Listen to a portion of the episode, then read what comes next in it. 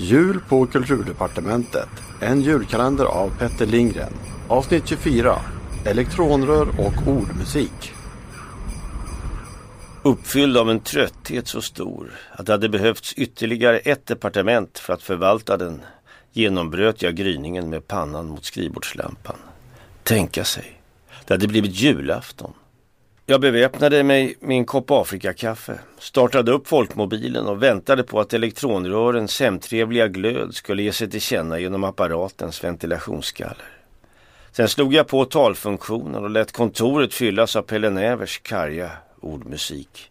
Ja, tomten, är det inte han som står vid visthusknuten med lykta och med luva rans och tyst och mystiskt slut? Sluten i sekelig grå gestalt och skägg som vitnat genom åren han skymtar ut med kärntung vägg i snön bland alla snåren.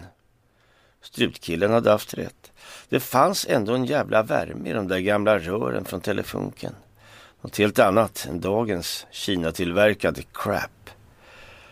Jag fällde upp tangentskyddet i grön hammarlack och slog numret till Bromander. Några tusingar kunde storyn vara värd i alla fall.